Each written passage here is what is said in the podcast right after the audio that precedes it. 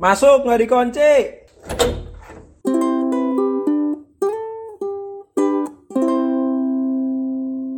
Assalamualaikum warahmatullahi wabarakatuh. Welcome back to podcast Kamar I 101 bersama Gali Setabadi.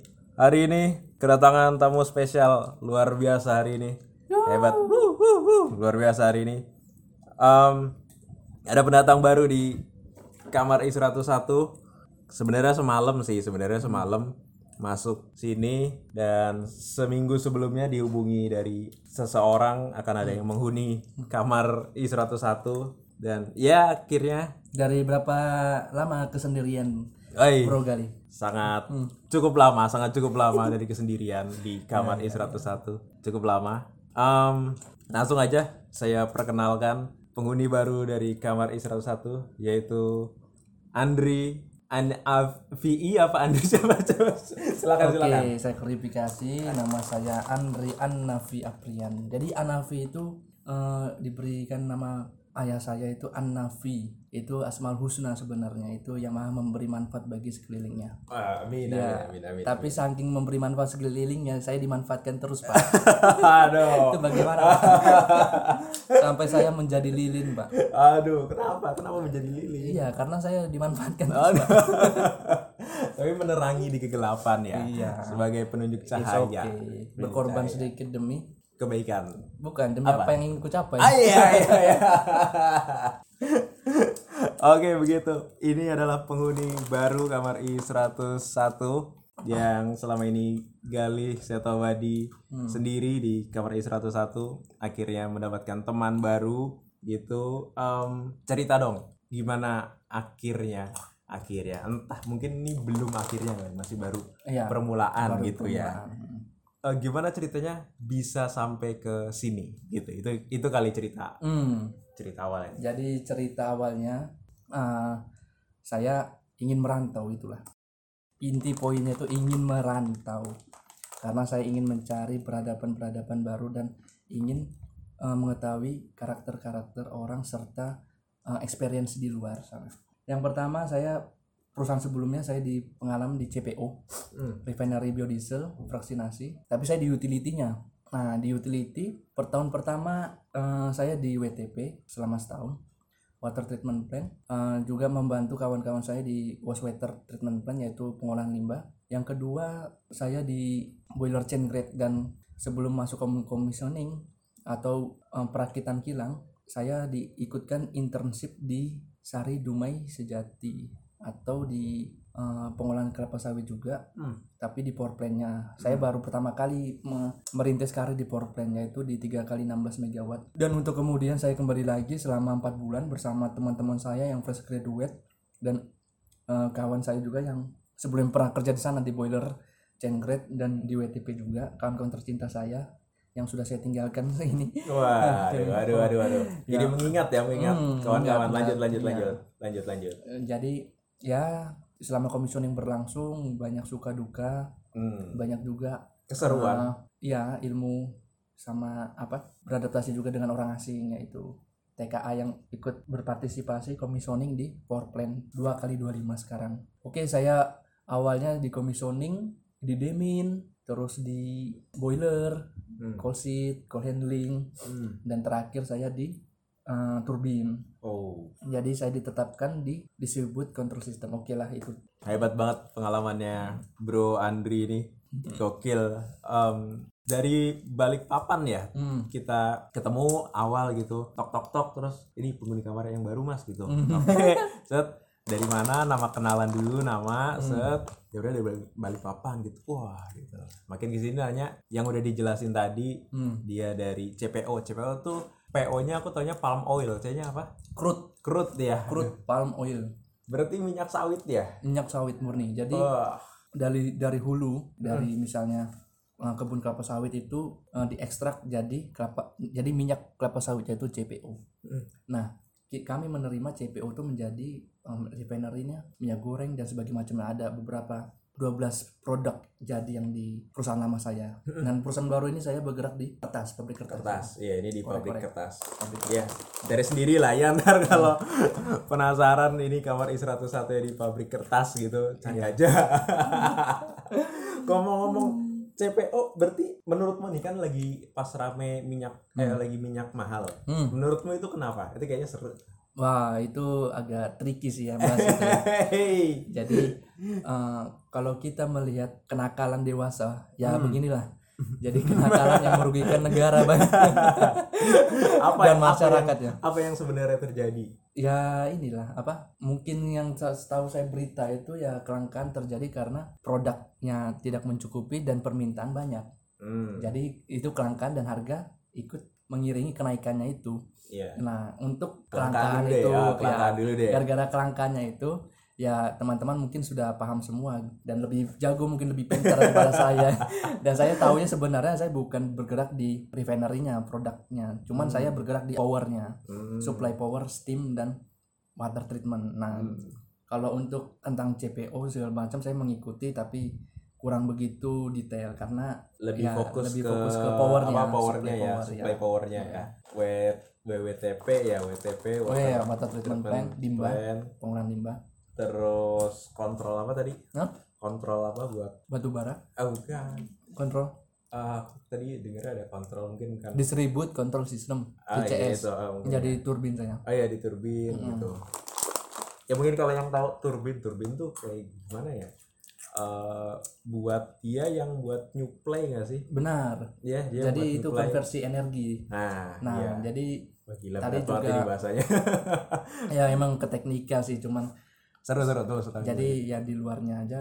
Baru pertama tadi teman saya di sini baru perkenalan "Eh, abang di mana kuliahnya? Saya di teknik industri pak. Oh bukan di konversi energi bukan cuman pengalaman saya di konversi energi gitu jadi di hire ke sini untuk eh, megang satu kali 70 mega eh satu kali 75 mega Oh, Hmm. itu termasuk besar kah 75 mega di, iya Pulau sebenarnya Jawa atau yang yang Hmm. Bro Andri tahu deh? Ya, 75 mega? sebe- selain ingin merantau, saya juga tertarik karena upgrade untuk kapasitas turbin. Eh, sebenarnya untuk lari ke 75 mega itu agak sulit. Karena dari 25 harusnya ke 50 atau 60 mega dulu. Hmm. Eh, baru kalau misalnya 25 ke 100 mega nggak bisa karena kebanyakan PJB atau perusahaan listrik negara Iya PJB itu itu. ya itu kebanyakan 100 mega. Oh. 100 mega. Jadi untuk 25 ke 100 saya nggak bisa. Hmm. harus by step by step karena dari supply powernya sama dari uh, operasionalnya itu sangat agak agak jauh sih Uh, karena supply steam sama flow-nya yang dibutuhkan itu lebih besar juga gitu. Eh, misal gini, misal kamu ikut ikut rekrutmennya PJB, Hmm, terus gitu, terus keterima hmm, gitu, ya. Hmm. Terus kan itu salah satu, maksudnya PJB kan juga salah satu yang diidamkan orang-orang banyak gitu kan. Korek, Bo- korek, korek. Iya. BUMN gitu kan. korek BUMN ya. Apalagi sekarang ada FHCI ya, Forum Human Capital Indonesia. Jadi ya sempat saya sih kemarin daftar cuman yang last minute tapi ya ini Bro Gali jadi apa yang ada aja kemarin itu inhutani apa segala macam yang penting selaras dengan experienceku Yep. Sebenarnya industri tuh bisa ke mana-mana sih. Iya, Tergantung correct. dia mau nekuninnya di mana. hmm Kayak kalau aku kan ketemunya pas di logistik. Hmm. Jadi karena sebelumnya emang ngincer ke gudang. Dulu Hmm. tuh sempat sempat apa? Kayak berdoa ya Allah aku kan kerja di gudang deh, pengen kerja di Hmm. gudang. Ya udah aku ikutin tek tek sini sini sini sini. Eh dapat pengalamannya di gudang gitu kan. Hmm. Terus dapat pengalaman di gudang, nyoba di sini. Di sini ini sebenarnya aku daftarnya sebagai supervisor warehouse wih keren keren keren daftarnya Hmm, daftarnya ya Hmm. terus dialihinnya sama HR-nya tuh eh, mohon maaf Mas Gali Hmm. di sini tuh adanya di koordinator tracking gitu. Hmm. gimana? Mau lanjut atau enggak? Hmm. kalau enggak kita sudahi gitu kan. Hmm. lanjut lah udah jauh-jauh aku dari Hmm. Jogja kan. Itu lanjut dah akhirnya sampai sekarang. Gitu Hmm. sih. Bener industri itu kayak kita bisa milih ke mana aja. Ya. tergantung kita mau cukup banyak pilihan dan begitu kompleks banyak bener. tawaran kerjanya industri. Iya. Itu ya salah satu kelebihan mungkin. Yang tapi sebenarnya saya bukan di teknik industri murni Mm. teknik perminyakan Oh mantap sekali, Industri. mantap sekali industri dan perminyakan. itu waktu saya kuliah saya angkatan kedua Hmm? angkatan kedua yang baru pertama kali launching teknik industri itu. Au, angkatan pertama angkatan kedua jadi ya gimana ya tapi akredita- akreditasi sudah A eh sudah B Ah, oh bagus lah Hmm, itu. sudah B dari teknik eh, perminyakan itu Hmm, berarti Untuk pecah. cabangnya dari perminyakan ya? industri Gimana? Oh dari industrinya. ini industri minyak Hmm, mantap, mantap, jadi mantap. betapa susahnya angkatan pertama itu ngerintis Iya pasti, Hmm, pasti, pasti, pasti. itulah Industri perminyakan bro, mantap. Hmm. Ini idamannya biasanya kalau industri perminyakan tuh Pertamina pasti ya. Hmm, Iya pasti correct. itu jadi Hmm. jadi salah satu idaman anak-anak yang masuk itu Correct, kan correct. Tujuannya Pertamina gitu. Kalau nggak Pertamina, Hmm. yang yang di Kalimantan apa? Yang minyak juga, oh, oil and gas, Hmm, LNG ya, bukan? LNG Badak Iya badak ya, Mm-mm. biasanya situ. itu di Bontang Oh itu di Bontang. Mm-mm. Hmm.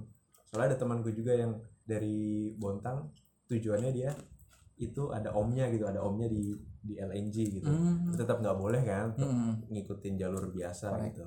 dan saya ini bro Gali dan saya jamin angkatan atau kampus saya ada satu-satunya saya yang pernah kerja di sini. Saya nyasar di sini. Aku juga ini apa nggak terpikirkan dan tak mengira Ah, ah, bakal saya terdampar di sini. Terdampar. dan ini bro Gali ibaratnya eh, saya ini sudah hamin 4 lebaran malah saya berangkat. Baru masuk. Ini Iya. ini sebenarnya seru. Ini sebenarnya dibilang agak aneh sih guys. Seminggu sebelum lebaran dihubungin sama orang mes ada yang mau masuk? Beneran mbak ini mau masuk sebelum lebaran? Iya tanggal 28 lah ini apa dia nggak lebaran sama keluarganya? Kan padahal kalau dipikir-pikir lebaran dulu lah gitu ya. Lebaran dulu sama keluarganya. Atau mungkin emang butuh banget nih orang sininya orang sininya nih lagi butuh banget orang. Aku mikir gitu. Aku positifnya tuh di sini lagi butuh orang pengganti Hmm. eh, yang sebelumnya keluar dan emang harus gantiin Hmm. Emang harus gantiin aku mikirnya positifnya begitu correct iya Jadi eh, tanggal 21 April eh, itu saya medical check up di Jogja. hmm Tapi bukan dengan perusahaan yang ini, perusahaan oil and gas. ya. Dan itu saya ditawarkan lah dan itu medical check up-nya jadi berbarengan ada dua perusahaan yang lagi saya progres hmm untuk resign dari perusahaan lama itu. hmm Saya medical check up di Jogja, eh sorry, medical check up di Cilacap, terus saya ke Jogja jalan-jalan dan itu dihubungi langsung suruh medical check up dengan perusahaan yang saya tempati ini. hmm. dan begitu lambat laun akhirnya keterima dan disuruhnya join tanggal 4 April. sebenarnya tanggal 4 April Iya, tanggal Terus? uh, jadi sembari saya ini ACC saya hubungin admin saya ya nggak bisa kalau untuk apa ya untuk resign secara mendadak kan Hmm. Nggak dapat surat notice. pengalaman kerja jadi harus man- one man notice Hmm. ya one man notice saya untuk dapat surat pengalaman kerja selama empat tahun saya berkarir di perusahaan lama itu Mantap. yang CPO itu mantap bro Nah, jadi saya sia-siakan eh, ya sekitar tanggal 28. Nah, sekitar tanggal 28 oke. Join tanggal 28 fix sudah. Dan saya ya namanya berkorban sedikit berkorban Hmm, ada yang muda. dikorbankan Iya. betul sekali buat belajar. Betul buat belajar hidup adalah belajar kalau menurut aku sih gitu betul belajar ada yang dikorbankan ada salah satu yang harus kita Hmm. didapatkan diperjuangkan Mm-mm. begitu kali ya Ada juga kata-kata Najwa Shihab tuh. Apa hidup tuh? yang di hidup yang di aku agak lupa sih. Eh, pokoknya ada kata perjuangannya ya Iya. ya hidup yang tidak diperjuangkan tidak akan berhasil pokoknya Ya, ada kata itu, ya ah.